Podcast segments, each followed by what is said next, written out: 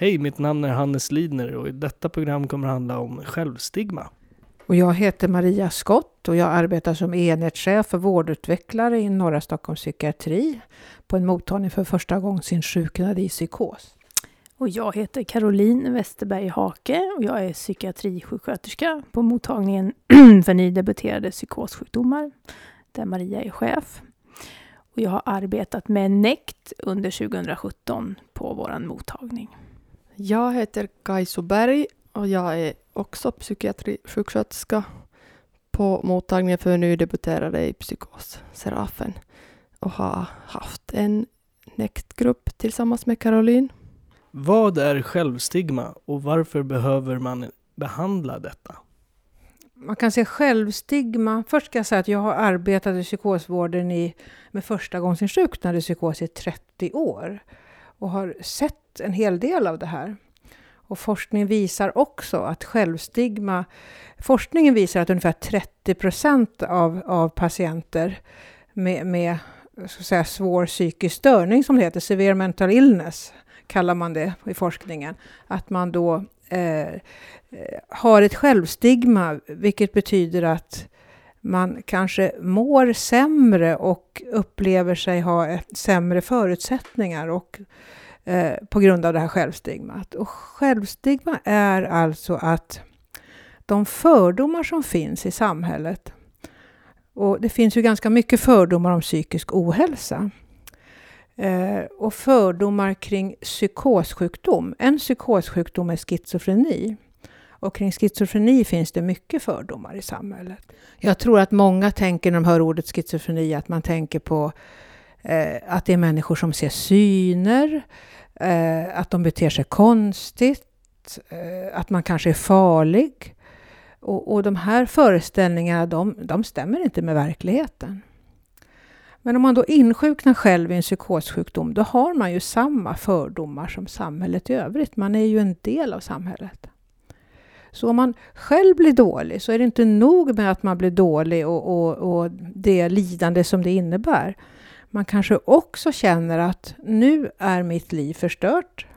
Jag kommer aldrig kunna arbeta med det som jag önskat eller skaffa den familj jag önskat eller göra det jag vill, ut och resa, studera. Utan man kanske tänker, nu blir jag en sån konstig människa som beter sig underligt och som man har sett på TV eh, när man ser en bild av de som har schizofreni. Och det betyder att om man får den föreställningen då kommer man att må mycket sämre och det kommer också att bli på det sättet att man mår sämre och det, man återhämtar sig sämre. Och det är ju ganska självklart att, att tror man att det ska gå åt skogen, då kämpar man kanske inte och har inte hopp kvar att det ska gå bra. Eh, därför är det väldigt, väldigt viktigt att jobba eh, mot det här självstigmat och hjälpa människor att upprätthålla ett realistiskt hopp när man har fått en psykossjukdom. Då har man ju sett att det finns ska vi säga, metoder att göra det här, att arbeta med det här självstigmat som gör att, eh, att människor mår bättre och att det hjälper, eh, hjälper till i återhämtningsprocessen. Och NECT, som betyder Narrative Enhancement and Cognitive Therapy, är en modell där man kan jobba med, med självstigmat och eh, komma ur det. Och det är det vi ska berätta mer om nu. Då frågar jag direkt, vad innebär NECT? NECT är en gruppbehandling eh, där man träffas tillsammans 20 gånger, ungefär en timme åt gången. Man är mellan sex och åtta deltagare. Och eh, man jobbar tillsammans med ett arbetsmaterial. Alla har varsin egen arbetsbok som man jobbar i, som är ens egen bok, som man kan ha med sig sen efter gruppen. Och innehållet eh, är uppbyggt kan man säga i tre block. Där den första delen är just en sån här utbildning kring självstigma. Lite som min chef här Maria var inne och berättade om, liksom vad självstigma är, hur de här processerna ser ut i samhället, hur man som individ tar på sig de här fördomarna. Så, eh, så det är första delen. Andra delen är en ren KBT-del kan man säga, där man utforskar och lär sig många olika KBT-tekniker. Eh, och se samband då mellan hur man tänker om sig själv, är ens tankar influerade av eh, fördomar i samhället och hur i sånt fall påverkar de ens känslor och ens beteenden. Och där ser man ju tydligt hur man på grund av fördomar i samhället, som till exempel att man inte kan återhämta sig och, eller kanske börja jobba eller så, om man har sådana fördomar, så påverkar det deltagarnas beteende, att man slutar, att man slutar göra saker, man blir mer passiv. Och man pratar ju ofta om negativa symptom vid psykossjukdom, men här kan man ju se att allt kanske inte är negativa symptom. Det kan också vara självstigma som gör att, att man faktiskt slutar försöka. Man förlorar hoppet så. Så det tycker jag är en tydlig sak. Och också hur ensam man blir tack vare att det är så stigmatiserat. För till exempel när jag bröt armbågen så kunde jag berätta det för alla. Jag kunde få sympati från allt från busschaufförer till affärsbiträden. Men drabbas man av någonting, en psykos som kan vara så mycket lidande i, så blir man också väldigt ensam. För det är så stigmatiserat att man inte, det finns så få man vågar prata med. Så. Och det, det här stigmat gör ont. Det är liksom smärtsamt med det här stigmat. Så. Så det är sånt som kommer fram mycket när man jobbar i den här KBT-delen, tycker jag. Enligt min erfarenhet. Och sen det sista blocket är det här då narrative enhancement, det här narrativa inslaget, där man skriver berättelser. Och då är det berättelser utifrån olika teman som man skriver. kan vara till exempel, ett tema kan vara hur har sjukdomen påverkat mig till exempel, kan vara ett tema. Eller vad hoppas jag på framåt i mitt liv? Eh, och alla, i alla de här avsnitten så skriver man uppgifter som man delar med sig med varandra i gruppen och få feedback från varandra. Och där byggs det, tycker jag, ofta väldigt fint förtroende i gruppen mellan medlemmarna och det blir väldigt, ja, ja, ett väldigt stöd att få berätta och få bli lyssnad på och få feedback från folk som förstår sådär på ett annat sätt. Och också för en gångs skull få vara öppen så och också se bli tydlig med att, att det är ett stigma, det är inte på riktigt. Vi behöver liksom känna någon skam eller så, för det är liksom bara fördomar i samhället. Man kan ibland hitta paralleller till andra grupper, som till exempel hur det har varit för homosexuella tidigare och så, med stigma kring homosexualitet och så. Så det blir som en väldig kraft i det här. Så det är jätteroligt att få vara med och hålla i sådana här grupper. Jättegivande, måste jag säga. Så så går det till. Varifrån kommer idén om NECT? Alltså NECT är utarbetat av eh, två forskare eh, som heter Phil Janos från USA och David Rowe från Israel. Eh, och de har själva arbetat fram ett material och funderat kring det här och läst annan forskning kring stigma och arbetat fram det här materialet. Eh, och sen är det eh, CEPI, som betyder Centrum för evidensbaserade psykosociala insatser, nere i Lund som har tillsammans med, med Järnkoll och Västra Götaland tagit det till Sverige. Eh, och sen så kan man väl säga att eh, vi är några av dem som har tagit det till Stockholm. Vad visar studierna om NECT hittills? Ja, det finns några internationella studier som visar då att eh, den här metoden minskar självstigmat signifikant och kan öka hoppet och, och på det sättet ha en positiv effekt. Ehm, sen finns det en svensk studie från Västra Götaland och, eh, som visar samma sak. Eh, och nu pågår en studie här i Stockholm och det är på vår mottagning eh, en så kallad RCT, randomiserad kontrollerad studie, där vi tittar på i vad mån det självstigmat minskar och, och hoppet hos deltagarna ökar. Vad har patienterna själva tyckt om NECT? Det var, man kan säga att, att det var inte helt lätt att rekrytera patienter från början. Det kan vara ganska svårt att förklara vad NECT är för någonting innan man har varit med. Men vi eh, lyckades övertala, övertyga några att i alla fall komma med första gången. Och sen dess så, i alla fall den gruppen som jag har varit med i, har alla fortsatt att gå på och har varit väldigt nöjda. Och man har sett eh, en jättefin sammanhållning. Eh, patienterna har verkligen stöttat varandra och, och det som är tanken också att, att patienterna ska ge varandra feedback har, har också funkat väldigt bra. för att den har så mycket större effekt när, när patienterna ger varandra feedback och det är inte vi, vårdpersonalen, som, som gör det. Eh, patienterna har sagt att de har fått ökat självförtroende. De har vågat börja planera mer, mm, mer i sin framtid, vilket många inte riktigt har vågat göra tidigare på grund av självstigma. Eh, man har kunnat slå hål på de här myterna som många har trott var sanna innan, innan gruppen började. Till exempel att, att om man har en psykisk sjukdom så, så kan man inte arbeta eller att psykisk sjuka är farliga eller oberäkneliga. oberäkneliga. Så, så att det, det har nästan bara varit positivt vad patienterna har eh, upplevt eller som vi har uppfattat det. Eh, och eh, alla har varit väldigt nöjda efteråt att de var med. Hur ser framtiden ut för NECT hos er? Ja, när vi är klara med den här studien som vi ska genomföra klart nu då, så eh, skulle vi önska att eh, några av de patienter som har gått i NECT-grupp skulle vara intresserade av att själva få en utbildning i att leda grupper och som vi sen kan arvodera för att göra detta på mottagningen. Vi tror det är en bra modell till att hjälpa människor att ingjuta hopp. Och eh, vi arbetar så vad det gäller andra eh, saker på mottagningen, till exempel fysisk aktivitet där det är patienter som, som hjälper oss att leda träning för andra patienter.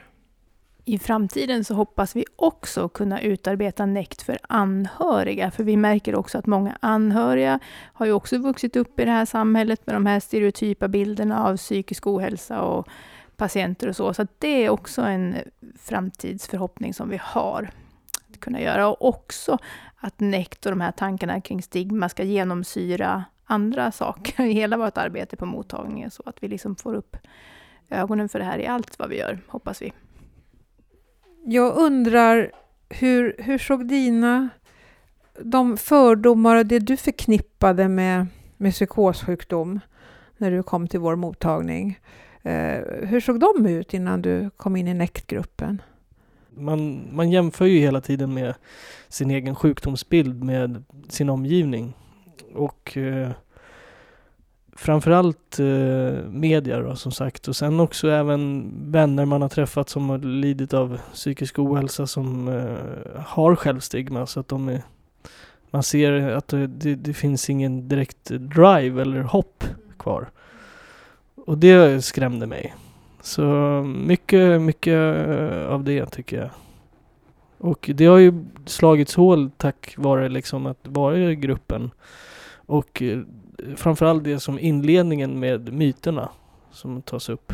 Eh, jo men även kring ehm, eh, sin familj också liksom när man har upplevt eh, folk med psykisk ohälsa har ju även det i släkten. Så då har man fått eh, en annan bild av det helt enkelt. Att det, det kanske inte är så mycket kopplat till släktdrag utan det kan vara kopplat till miljö och miljöarv som jag tänker kring. Mer som varit positivt har varit även eh, verktyg, KBT-verktyg som jag har kunnat använda mig av om till exempel med om tanke, känsla och beteende tror jag det var. som har hjälpt mig till att eh, ja, behandla situationer på ett annorlunda sätt helt enkelt.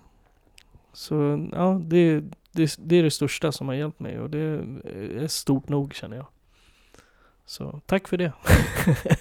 Även att vara med i en grupp där man sitter och delar med sig med, med personer som har liknande situation som en själv har ju stärkt också. Eh, ja, framförallt eh, emot isolering och inte känna sig ensam helt enkelt. Att man eh, känner en gemenskap eh, med, med folk som har kanske delat samma upplevelser till en viss mån. Och det är det som känns så otroligt jobbigt när man har varit med om en psykos, att man faktiskt känner sig så otroligt ensam och vet inte vart vad som har hänt riktigt och har ingen att dela med sig med. Och då när man ser att, sitter man till och med till slut och garvar åt sina gamla upplevelser i, i en grupp med personer som har liknande symptom. Så det har varit enormt bra. Um, och även att gruppen i sig blev så tight tycker jag var väldigt kul också. Att den blev väldigt, sam det blev väldigt bra gemenskap helt enkelt. Att man hittade på grejer lite efter gruppen också. Så man fick nya bekantskaper. Liksom. Det tycker jag var fint.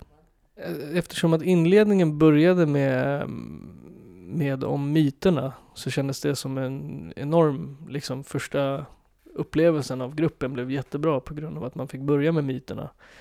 Eh, sen var det ju även kring eh, ja, de här KBT-verktygen som man fick lära sig, som man eh, fick eh, man fick helt enkelt mer, blev mer uppmärksam om sin, sin, sitt tankemönster.